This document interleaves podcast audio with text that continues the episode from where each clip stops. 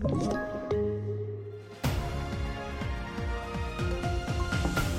En forskare vid Uppsala universitet åtalas för brott mot lagen om etikprövning eftersom han saknat tillstånd för provtagning.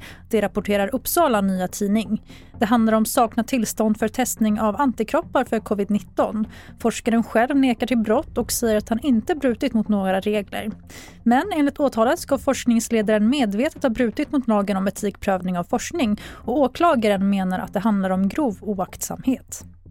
Ännu en gång tvingas lastbilstillverkaren Scania att stoppa sin produktion på grund av komponentbrist, rapporterar Sveriges Radio Ekot. Tidigare under pandemin, senast i höstas, var det brist på bland annat halvledare och komponenter som satte käppar i hjulet för verksamheten. Produktionen uppskattas att stå stilla under både mellandagarna och den första veckan i januari. Och vi avslutar med att berätta att kortbane-VM gjort Sara Sjöström historisk. Med sina tre nya VM-guldmedaljer från Abu Dhabi har hon blivit den som fått kliva högst upp på pallen flest gånger någonsin bland svenska simmare i VM-sammanhang.